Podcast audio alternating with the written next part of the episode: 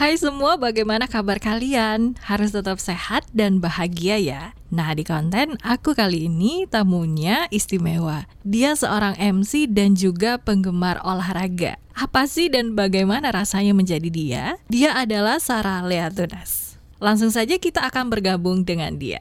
Sore, hai. Aduh. Ini uh, aku wawancarain seorang MC ya. aku MC juga nyambi-nyambi sih, lebih buat event lari sih kalau aku MC-nya juga. Berarti lebih sukanya uh, olahraganya itu lari ya, Mbak? Iya, emang saat ini memang kebetulan lagi fokusnya di lari sih gitu. Dulu waktu kecil pernah di renang, tapi sekarang ini sih di lari. Uh, apakah Mbak Sarah seorang atlet? Makanya suka lari? Bukan, bukan. Kalau sekarang itu tuh kalau bisa dibilang, kalau dulu sih memang kayaknya orang tahunya kan kalau kita lari itu atlet. Nah, kalau sekarang itu kan karena Ya. memang lari itu jadi tren. Jadi memang ada istilahnya atlet, ada istilahnya lagi pelari rekreasional gitu. Oke. Nah, Mbak kan Mbak Sarah kan seorang sport enthusiast kan artinya kan Mm. penggemar olahraga dan saat ini olahraga yang digemari adalah lari. Apakah lari menjadi hobi sekedar atau menjadi mata pencarian juga? Eh, lari itu memang awalnya sebagai bukan sebagai hobi malah. Jadi awalnya itu malah aku nggak suka lari. Tahun 2000-an, 2010-an itu ketika aku disuruh lari itu aku bakal bilang enggak, nggak bisa, nggak kuat. Kayak kayak kita semua nggak sih kalau mau belum pernah lari itu pasti kita bilang enggak kita nggak bisa lari gitu. Sama aku juga gitu kayak gitu. Sampai satu titik aku ngerasa aku mau aku mesti olahraga gitu. Dan di titik itu terus aku mulai coba lari. Awalnya jadinya emang akhirnya dari awal lari tetap nggak suka tapi karena emang dijalanin pelan pelan pelan pelan lama-lama ya jatuh cinta juga terus itu jadi hobi. Nah, tapi karena terus jadi hobi ditekunin terus terus terus terus malah sekarang eh, puji Tuhan jadinya sih mata pencarian juga gitu Es, itu yang yang yang oke banget itu kalimat terakhir mata pencarian. Tapi Mbak sekarang di masa corona ini kan udah nggak bisa beraktivitas banget ya untuk banyak di luar aktif di luar ruangan. Nah Mbak sendiri gimana nih untuk eh, Oh, untuk kegiatan larinya ya ya Jadi memang sebenarnya itu uh, terus terang aku tuh sempat vakum lari. Aku vakum berkegiatan lari itu pas ketika awal PSBB kemarin yang ketika benar-benar orang disuruh di rumah aja. Itu tuh benar-benar aku tuh yang uh, ya udah deh daripada aku keluar-keluar.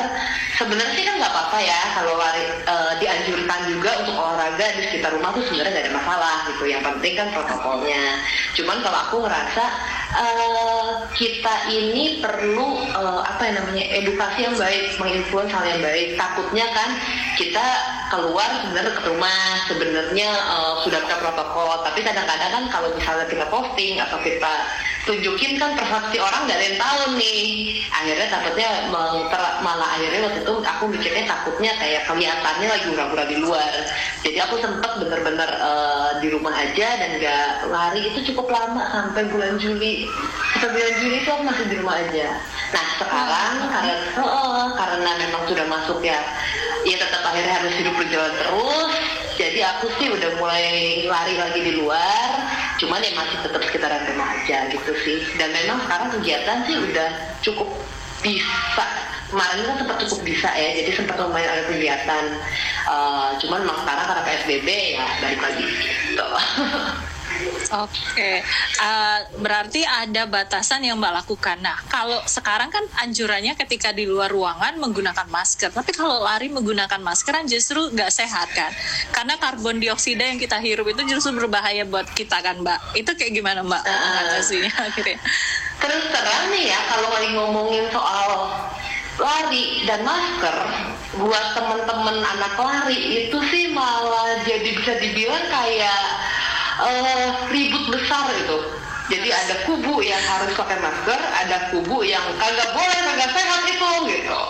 Malah malah sempat kayak nyaris ini deh bisa bisa dibilang kayak debatnya itu ngalah-ngalahin debat presiden nih gitu tapi kalau menurutku ya personally menurutku personally uh, aku selalu dan sebenarnya menurut anjuran dari WHO anjuran dari dokter olahraga Indonesia Persatuan Dokter Olahraga Indonesia kita tuh sebenarnya dianjurin ya lari itu apakah kegiatan olahraga di luar rumah dengan intera yang mem yang memiliki potensi untuk berinteraksi dengan banyak orang tetap pakai masker. Nah, kan bahaya iya bahaya, tapi justru itu kadar olahraganya diturunin, jangan sampai ngos-ngosan gitu. Oke, ini kayaknya udah ini banget nih soalnya selama ini ya kalau kalau kayak aku hmm. tuh kan sering juga lari ya kan, walaupun nggak hmm. sering banget sih paling seminggu sekali. Tapi karena ada uh, katanya nggak sehat itu, akhirnya hmm. itu nggak nggak pakai masker. Cuman memang Sebenarnya lokasinya. Nah itu, nah lokasinya. kalau menurutku ya, menurutku uh, menurutku itu benar. Jadi sebenarnya idealnya kan, uh, aku sih mikirnya balik ke logika ya kalau kayak gitu kan. Kita itu pakai masker untuk mencegah kita terpapar virus dari droplet yang tersebar di luar benar ya oke kalau kita keluar rumah dan kita beraktivitas mau aktivitasnya olahraga mau aktivitasnya apa pun itu kita punya potensi terpapar virus. Benar.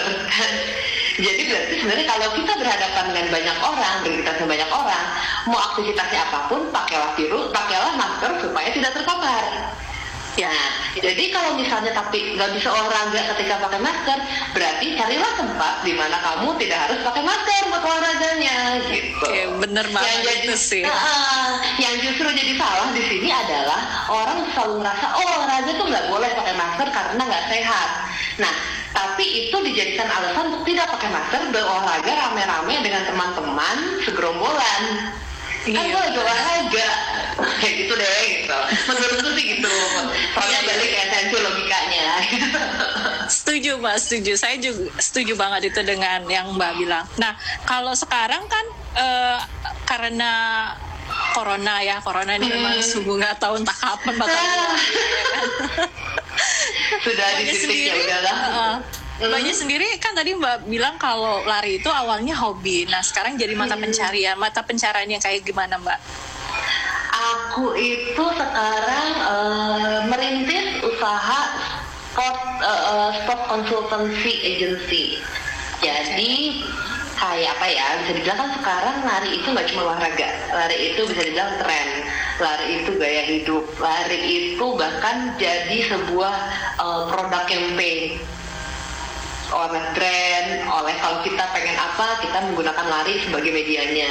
Nah, bisa dibilang juga sekarang banyak brand, banyak company, banyak uh, komunitas luar lari itu melihat lari sebagai sebuah sarana untuk mereka menyampaikan, mengkomunikasikan produknya, gitu. Hmm. Nah, artinya Mbak artinya brand ambassador gitu. Bukan, jadi artinya gini misalnya uh, apa namanya kemarin aku baru handle satu produk uh, baju wow, baju uh, apa wear gitu produk gede. Nah di situ dia itu pengen dia ada produk baju harinya sebenarnya tapi belum dikenal orang. Nah terus mereka dia bilang gue pengen ini dikenal sama masyarakat bikinin dong kampanyenya gitu kita strateginya mesti apa? Supaya orang-orang tahu. Ya udah kita bikin ceritanya. Ya udah ini kita pakai brand ambassador. Supaya brand ambassadornya kita ajak latihan lari. Terus kita ajak komunitas lari 500 orang untuk kita kasih bajunya. Terus abis itu kita challenge mereka ikut virtualan. Terus mereka ada challenge posting. Nanti uh, ada skemanya siapa yang menang kayak gitu. Nah konsepnya ini aku bikin gitu. Oke, lebih kayak konsultan PR gitu ya Mbak? Iya, lebih uh, macam-macam ya. Jadi aku juga ada talent, aku aku megang talent juga. Ada talent lari, ada talent. Jadi misalnya brand butuh, oh kita butuh orang kira-kira cocok nih buat produk kita. Nah kita juga bisa bisa jadi kasih saja. Oh karena brandmu itu tipenya seperti ini, kamu kayak cocoknya atletnya seperti ini. Oke, okay. itu kan uh, ketika yang Mbak jalani di sebelumnya. Nah sekarang kan udah extraordinary, maksudnya kondisi kondisinya karena corona yeah, uh, aktivitas orang tuh udah nggak ada di luar nah apa yang uh, lakukan untuk bisa uh, Menjaga. terus bekerja. Ya, Oke, sekarang se- eh, sebenarnya udah cukup lebih baik kondisinya dibandingin awal kemarin ya. Kalau awal kemarin kan bisa dibilang semua brand, semua company, semua pokoknya semua pihak budget marketingnya kan di down, di kasarnya nggak berani ngeluarin budget gitu kan, karena ngerasa ini kondisinya nggak pasti. Makanya kan kalau bisa dibilang di awal bulan Maret sampai bulan Juli kemarin kan nggak ada kegiatan apa pun gitu, karena nggak ada yang berani melakukan kegiatan. Nah kalau sekarang eh, aku melihatnya dari pihak brand, dari pihak company, dari pihak masing-masing udah merasa ini kita nggak bisa diem aja, kita harus adjust. Nah justru eh, karena kita nggak tahu ini sampai kapan nih, maka kita diem aja. Jadi mereka udah mulai ngeluarin eh, ngeluarin budget marketing, udah mulai mulai campaign campaign lagi. Nah cuman memang justru sekarang menjadi dibutuhkan gimana sih cara kita mengadjust campaign kita supaya tetap bisa dilakukan di eh, masa seperti sekarang. Berarti kalau biasanya event lari itu ngumpul, berarti kita sekarang modelnya bikin virtual run, virtual Oke. ride kayak gitu. Ada strategi yang dirubah gitu ya. Strategi ya, jadi kasarnya ya adaptasi ya. Kita justru menawarkan konsultasi untuk adaptasinya kayak apa sih supaya dengan kondisi kayak gini eh, objektifnya kalian bisa tercapai. Gitu. Oke, Mbak Sarah, sebelum aku lanjut untuk Yes. aku mau bertanya apa, tapi sudah ada yang menanya. Kalau lari sama Boleh. jalan kaki lebih bagus mana kak? Kalau lari saya nggak kuat nafasnya. Kalau lari sama jalan kaki bagusan mana? Bagusan pokoknya yang penting bergerak. Aku, ha, jadi kalau orang tuh kadang ngerasa olahraga itu harus berkeringat, olahraga itu harus eh, capek ngos-ngosan gitu. Padahal eh, ya itu. Jalan kaki aja asal rutin dilakuin itu oke kok gitu. Nggak nggak mesti sesuatu yang banjir keringat yang gimana. Kalau memang bisa jalan kaki jalan kaki. Kalau bisanya sepedahan sambil apa sepedahan sekalian ke kantor ya sepedahan lah ke kantor. Yang penting kan gimana badan kita bergerak setiap hari Oke, jalan di mall juga bisa termasuk olahraga lah ya Bisa. Mbak. Aku tuh terus terang eh, setelah pandemi kemarin ini kan yang aku berdiam di rumah aja hampir empat bulanan, aku nggak lari itu. Jadi ketika aku terus terang aku sempat mengalami fase dan masih lagi berusaha adjust lagi, aku mengalami fase susah untuk mulai. Jadi yang di badanku yang udah biasa lari, badanku yang udah set- udah maksudnya kayak lari itu udah udah udah natural. Ketika aku mulai lari lagi kemarin tuh, aduh susah, aku ngalamin lagi rasanya belajar dari nol gitu. Nah Oke. di situ justru aku sempet mikir ya udah kalau aku memang belum bisa lari ya aku jalan kaki. Terus aku mulai dari eh, bikin target kecil ke diriku sendiri. Seenggaknya aku ngumpulin 10 ribu langkah sehari. Nggak mesti lari tapi aku harus nyampe 10 ribu langkah. Jadi kalau bisa pagi aku bangun eh, biasa aku lari sekarang ya udah aku keluar aku jalan kaki yang penting langkahnya nyampe gitu. Oke, nah Mbak tadi ngomongin soal vir- vir- virtual run, jangan-jangan Mbak ini ya yang merancang itu untuk uh, brand sebelah itu ya? Kan mereka mau bikin kegiatan tuh.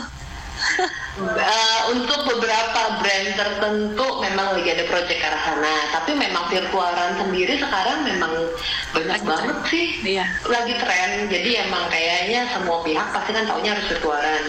Jadi virtual run, jadi virtual ride, vir- virtual workout, virtual konsep, semuanya divirtualin. Nah, ya udah sekarang sebenarnya tantangannya lebih ke gimana nih kita bikin virtual bla bla bla ini beda dari yang lain gitu.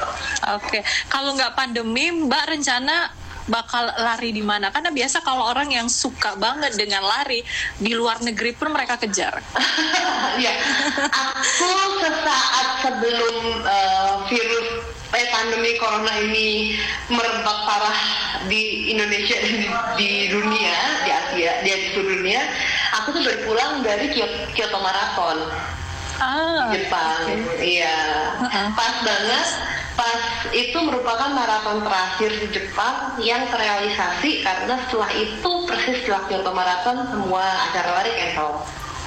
Astaga, kayaknya sedih banget jadinya ya Mbak. Iya, dibilang kalau aku sih udah di tahap mikir gimana ya, dibilang sedih, sedih. Tapi ya namanya hidup kan kita nggak bisa milih ya. Ada hal kadang-kadang kan memang kondisinya memang menyebalkan, gitu, fuck up gitu. Cuman ya terus kalau kita nggak gerutu juga kita bisa dapat apa gitu. Iya, Jadi aku sih selalu mikir dalam kondisi apa pun ya lu nggak mau dibanting di kondisi yang paling gak enak apa pun ya nggak punya pilihan lain maju terus adaptasi uh, give move istilahnya kayak gitu ya. Mm-hmm. Uh, Oke, Mbak kalau MC-nya itu gimana? Udah berapa tahun Mbak menjalani uh, ini profesi kayak lebih profesi juga lah ya kan? Udah berapa lama sih jadi MC? MC itu aku kan MC sebenarnya mengikuti kegiatanku di lari ya gitu. Jadi Nah. kayak eh, eh, aku emang dari dulu suka ngomong, aku suka ngomong kalau misalnya dari dulu kalau misalnya di kampus atau misal di kantor atau di kantor kegiatan apa pun kalau misalnya mem- memang disuruh pegang mic biasanya aku disuruh pegang gitu. Nah itu ke bawah terus sampai akhirnya di dunia lari eh, di dunia lari itu kan eh, sering ada event lari. Nah kalau misalnya MC-nya itu bukan dari pelari, biasanya tuh nggak ngerti moodnya tuh kayak apa gitu. Gimana caranya supaya pelari tuh semangat? Gimana caranya apa sih yang mereka suka? Mereka suka diteriakin kata-kata seperti apa? Nah biasanya akhirnya eh, para penyelenggara event lari itu eh, mencari MC yang juga pelari karena Oke. mereka mengerti gitu. Nah Mbak, akhirnya di Mbak situ. Sarah, Mbak Sarah sampai dibilang ada yang bilang nih senior MC. apa? Mbaknya udah Aduh, ini senior yang ya. ngomong? Malah senioran dia ini uh, di anchornya Kompas TV apa di TV? Enggak, aku emang emang kebetulan emang ya itu suka karena emang suka ngomong, suka teriak-teriak juga. Jadi memang sih, tapi belum lama sih sebenarnya aku mulai lari kan 2016. Aku nge-MC di event lari berarti di tahun sekitar 7 2017 gitu. Terus 2019 sebenarnya sempat vakum karena aku fokus di hal lain. Sebenarnya 2020 mau comeback, udah pengen nyari event-event lagi yang mau ke MC-in dan nawar-nawarin diri, udah jual-jual diri. Tapi ya, ya begitulah. Dan Mbak gimana? Setelah menjalani kehidupan sebagai seorang MC, terus uh, penggemar penggemar olahraga, Hmm. uh, gimana? Mbak sangat mencintai dunia Mbak sekarang ini.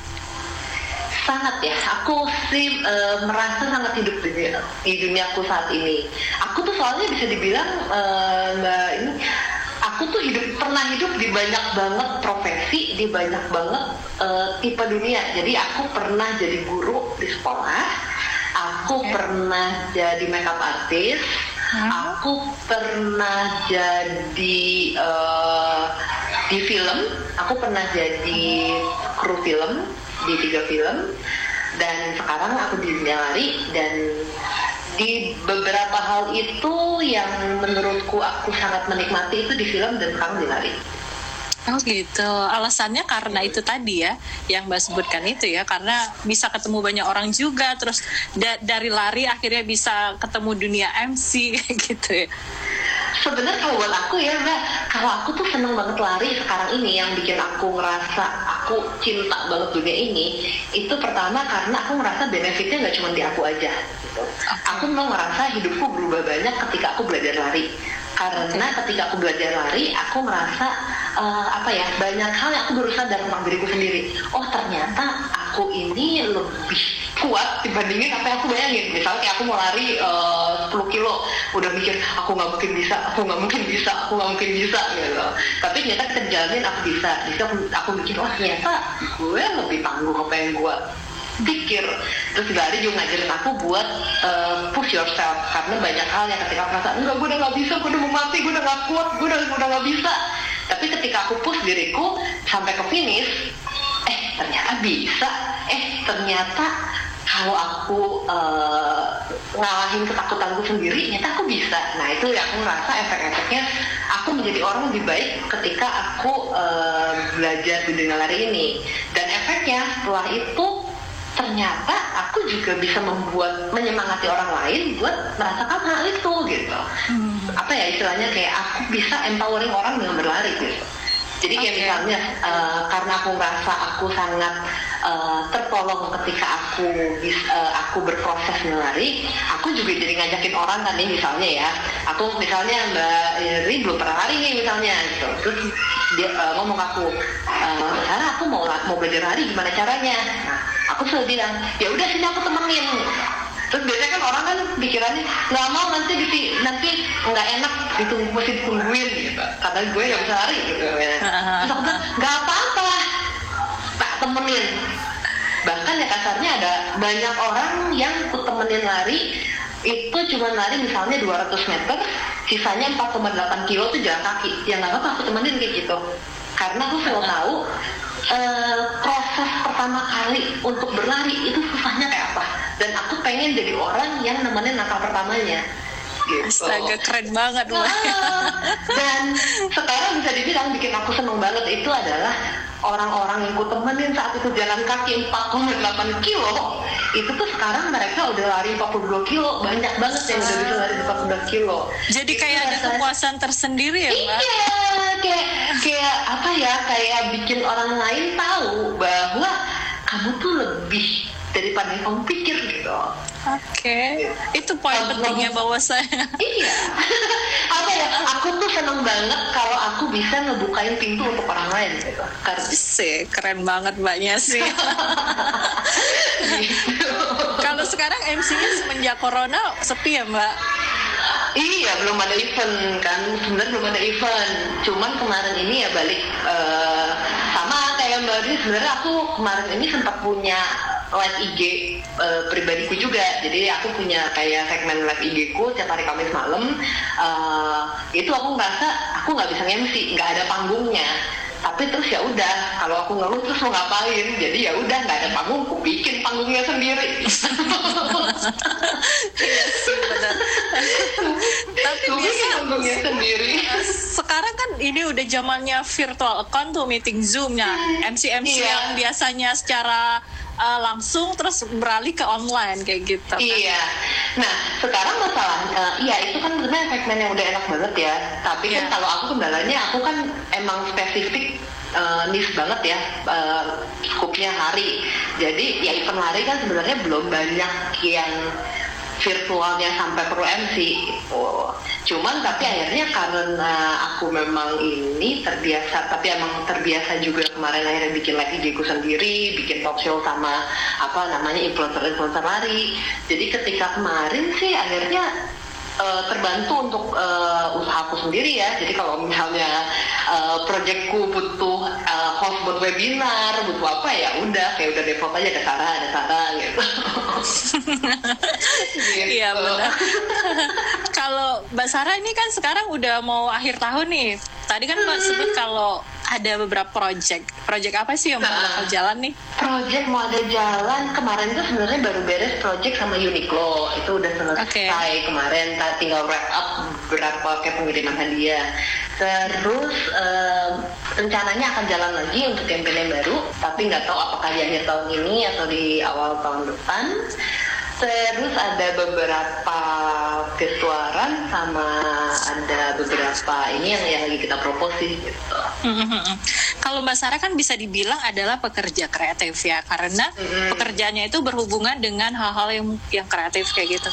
Susah nggak sih Mbak untuk ngejalanin supaya dapat ide, terus ketika idenya udah jalan, terus mengaplikasinya, mengaplikasikannya kayak gitu. Ya kalau dibilang susah ya tantangannya ada ya tantangannya ada tapi untungnya aku ngerasa aku aku punya tim punya tim yang solid jadi aku aku sih selalu mikir sesusah apa pun ide yang harus dikeluarkan selama punya tim yang solid memang yang memang kita brainstorming bareng-bareng aku sih ngerasa aku sih cukup ya Itu jadi kekuatannya. sama keribetannya Ah. iya jadi maksudnya Oke. aku mikir seribet apa pun ini aku punya tim yang memang nanggung ini bareng jadinya nggak Ah. sendirian juga gitu. Jadi intinya lebih kayak dibawa positif aja gitu, pasti ada jalan gitu ya Mbak. Kalau orang yang kenal aku sih sampai bilang si Sarah kayaknya over positif deh orangnya.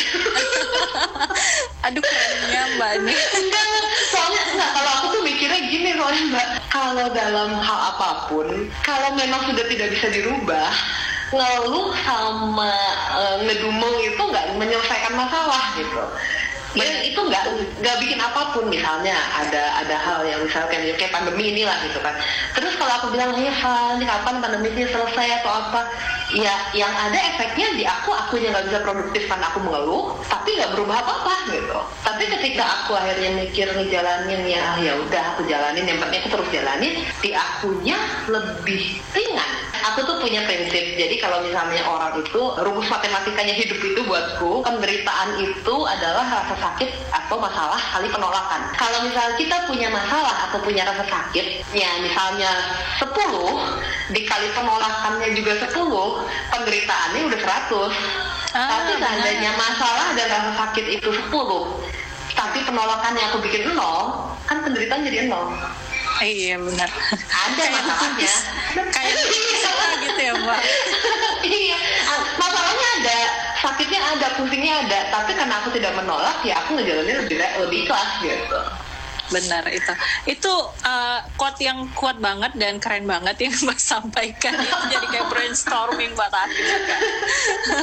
Mbak Sarah sayang sekali kita sebenarnya ngobrol iya pengen lebih panjang tapi sayang waktunya kita udah mau habis. Iya. Mbak Sarah bisa kasih kalimat ampuh atau quote atau kalimat apa yang bisa buat teman-teman lainnya lebih positif dan menjalani hidup lebih baik untuk di masa sekarang ini. Ya itu aja tadi kali ya. Maksudnya kayaknya udah udah cukup penderitaan itu rasa sakit kali penolakan. Jadi kalau misalnya kita men- eh, menolak penderitaan eh menolak rasa sakit atau masalah yang ada kita menderita. Selama masalah itu tidak kita tolak seenggaknya kita nggak menderita walaupun masalahnya ada. Itu satu. Yang kedua aku selalu percaya dalam hidup itu semua sudah diatur dan yang diatur yang di atas itu nggak mungkin nggak baik gitu. Cuman kita manusia itu eh, pandangan terbatas. Jadi ketika dikasih masalah yang bisa kita lihat depan mata kita cuma masalah. Padahal kita nggak tahu begitu masalah selesai di belakang sana ini udah ada sesuatu yang disiapin. Nah cuman karena kita nggak tahu yang kita lihat masalahnya gitu. jadi ada kita mendumel kita ngeluh nah jadi kalau aku sih prinsipnya dari dulu apa pun di depan mata aku akan jalanin karena aku tahu di depan sana pasti baik cuman kemanusiaanku nggak paham itu jadinya aku merasa ini masalah gitu Oke, Gitu. tapi tetap ya Mbak, walaupun kita sekuat apa pun dan kita ngerasa bisa melewati itu, tapi kadang kita juga suka mewek kayak gitu ya Mbak. Dan, eh, oh, aku selalu bilang itu eh, apa namanya masalah positif sama mas, eh, masalah menjadi positif sama menangis itu beda cerita gitu. aku bisa menjadi positif sambil menangis gitu. Eh, ada yang mau disampaikan lagi? Tadi kayak ada yang mau diomongin lagi tuh. Oh enggak sih enggak. Itu aja maksudnya eh, ada yang bilang kan jadi toxic positivity gitu. Kalau misalnya kita terlalu positif segala hal aku bilang kalau aku sih enggak. Aku nangis aku nangis. Aku ngedumel aku ngedumel. Cuman dalam dumelanku itu aku tahu seenggaknya di depan sana itu baik ya. Cuman akunya nggak kuat jadi aku nangis sekarang tapi I know everything will be fine Oke, pas banget. Terima kasih Mbak Sarah untuk waktunya sama-sama sudah membagikan banyak hal tadi itu keren banget itu Mbak. Mudah-mudahan kita di di lain waktu bisa ketemu lagi, bisa ngobrol lagi, bisa berbagi lagi Amin. kepada yang lainnya Mbak. Terima kasih Mbak Sarah. Sampai jumpa. Sama-sama, Mbak. Kesehatan ya. iya kamu juga ya Demikian konten aku di edisi kali ini. Aku bakal kembali di konten selanjutnya dengan tamu yang keren dan penuh inspiratif. Jangan sampai ketinggalan, khususnya untuk dengerin suara emas aku. Sampai jumpa semuanya, tetap sehat dan tetap semangat.